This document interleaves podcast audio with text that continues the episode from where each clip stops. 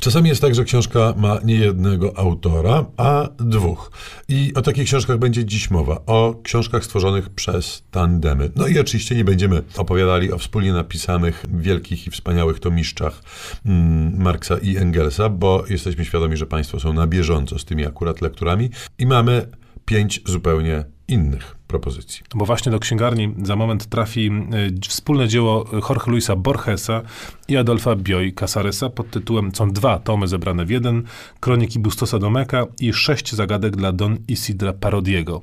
Borges, jak wiadomo, wielkim pisarzem był i to w ogóle jedna z największych czołowych postaci XX wieku. Bioy Casares jest u nas nieco zapomniany, choć w Argentynie i w ogóle w krajach hiszpańskojęzycznych cieszy się wielkim uznaniem. Oni się bardzo dobrze znali, przyjaźnili od y, lat 30. przynajmniej i wspólnie czasami bawili się, a czasami stawało się to dość poważną rzeczą, właśnie w takie pisarskie igraszki. Pierwszym ich takim dziełkiem jest właśnie wydawane premierowo te zagadki dla Don Isidra Parodiego. To jest um, żart z konwencji kryminalnej, polegający na tym, że detektyw siedzi w więzieniu, dostał 21 lat, niesprawiedliwie oczywiście, do niego przychodzą ludzie, opowiadają o swoich problemach i ten, nie się z zakrat, wszystko rozwiązuje. Z kolei Kroniki Bustosa Domeka to, e, to są takie, takie fałszywe, apokryficzne recenzje, komentarze do różnych dziedzin sztuki.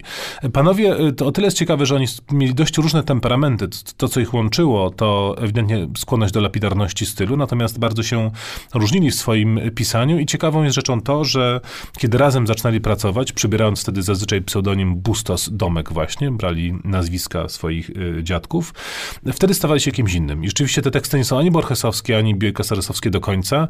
Oni sami mówili o tym, że ta chemia tworzenia wspólnego była wyjątkowa i Borges potem też wielokrotnie powtarzał, że próbował z innymi, ale z nikim jak z Bielka Salesem nie udawało mu się wypracować takiej literackiej jakości, więc to para naprawdę nieprawdopodobna. Następna para jest parą podwójną, bo parą w życiu prywatnym, bo to małżeństwo i parą w życiu zawodowym, bo to literacki duet. Duńczycy Lotte i Soren Hammerowie piszą kryminały e, znane w Polsce, wydawane przez wydawnictwo Czarne. Pierwszy z nich e, polecałbym pod tytułem Niegodziwcy. On też się dobrze wpisuje w moment powrotu do szkoły i końca wakacji, bo tam dzieci, które właśnie wracają do szkoły, odkrywają coś absolutnie przerażającego.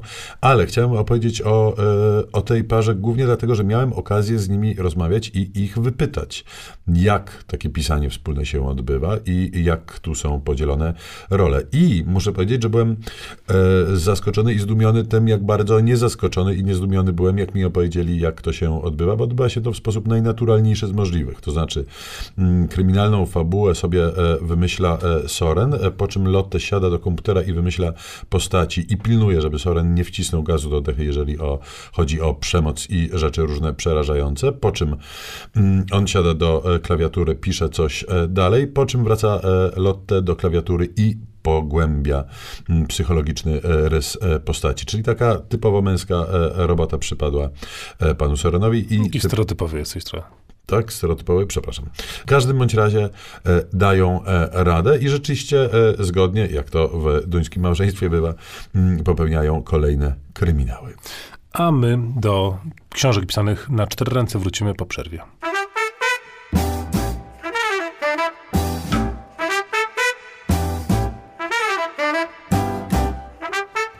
Piątka z literatury. Polecają Szymon Gloszka i Tomasz Pindel. Wracamy do e, duetów i zaczęliśmy od dwóch gigantów literatury, a teraz e, dwóch gigantów literatury fantastycznej. E, Brytyjczyk i Amerykanin. Pratchett i Gaiman. Terry Pratchett i Neil Gaiman to rzeczywiście nazwiska, umówmy się, absolutnie pierwszego sortu, ale tak się zdarzyło, że pracowali razem i napisali wspólnie, wspólnie książkę wydaną po polsku. Rzecz nazywa się Dobry Omen. Oryginalnie ukazała się w 1990 roku. Panowie się poznali e, pięć lat wcześniej.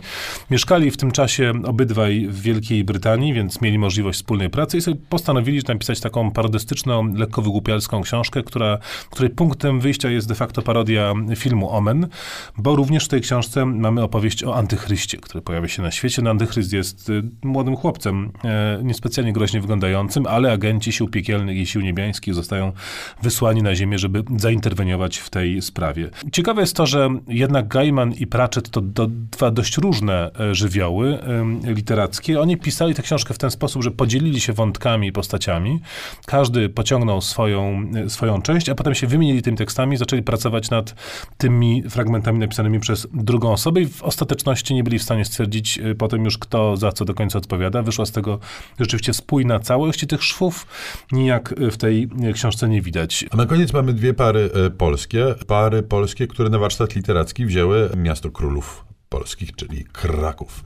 Marianna Świeduchowska i książka pod tytułem Katecheci i frustraci. Pod pseudonimem Marianna Świeduchowska kryje się mm, dwójka artystów krakowskich, mianowicie Marcin Świetlicki i Grzegorz Dyduch, którzy napisali książkę, taką książkę towarzyską z kluczem trochę, bo tym można rozpoznać e, mm, autentyczne postaci, przede wszystkim mm, z tak zwanego świadka literackiego krakowskiego, a więc a to poeci, a to prozaicy, a to krytycy literacy. Tu inni nie mieszkają. Tak inni nie mieszkają. I ta książka, e, ale ale ta książka przywołuje czasy nie tak znowu już odległe, gdzie rzeczywiście e, miało się wrażenie, że w Krakowie nikt inny nie mieszka i gdzie rzeczywiście to mm, poeci i krytycy nadawali ton temu miastu, siedząc pod kasztanami na rynku głównym. Czasy trochę się e, zmieniły i nie nadają oni już tonu w sposób aż tak aktywny i jednoznaczny, ale warto sobie przypomnieć, jak to drzewiej e, bywało.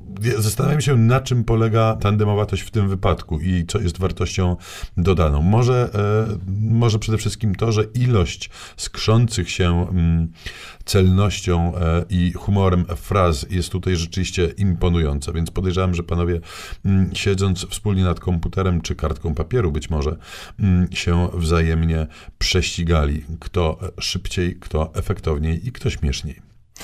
A inną krakowską autorką powołaną do życia przez dwóch panów jest Maryla Szymiczkowa. Ona wdarła się przebojem w zeszłym roku do polskich księgarni książką pod tytułem Tajemnica rodu Helclów, y, a w tym roku, właśnie w tym momencie, otrzymujemy do rąk drugą część y, jej cyklu pod tytułem Rozdarta zasłona.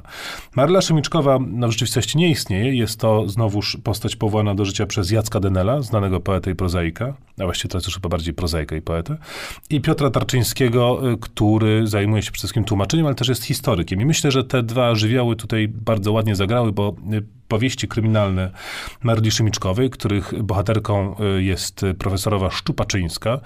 Prześmieszna postać. Znakomita postać, stworzona, znaczy to jest trochę absolutnie parodia takiej burżuazji krakowskiej końca XIX wieku. To jest, no właśnie, to jest bo to Kraków sporo, trochę odleglejszy. Odleglejszy, tak, to rzeczywiście czasy zaborcze. Jest tu sporo takiej e, e, złośliwości, ironii i parodii, ale bardzo czule zrobionych tak, tak naprawdę. Tak. Jest, to, jest to urokliwe i obraz Krakowa, te wszystkie szczególiki z życia e, współczesnego, ploteczki, realia, znakomicie rzeczywiście zrobione, nadają tej książce ogromnie, ogromny duży atut, tym książkom, a do tego wszystkiego jednak są to po prostu pełnokrwiste, znakomicie poprowadzone historie kryminalne, które mają bardzo dobry pomysł i świetny przebieg. Co ciekawe, rzeczywiście no, proza Denela, którego znamy przecież dobrze, a proza Szymiczkowej to są zupełnie inne, e, inne rewiry, więc widać faktycznie, że tutaj ten pierwiastek współpracy ma ogromne przełożenie i daje znowuż nową jakość. Tak, no i rzeczywiście tu nie mamy do czynienia z jakąś poważną satyrą na mm, Mieszczucha, e, ale takie figlarnego podszczypywanie, a e, chyba nic e, przyjemniejszego, jak e, popastwić się sympatią nad e, krakowskim konserwatywnym mieszczaninem. No to z krakowskim pozdrowieniem Tomasz Pindel z Prądnika i Szymon Kloska no, z okolic.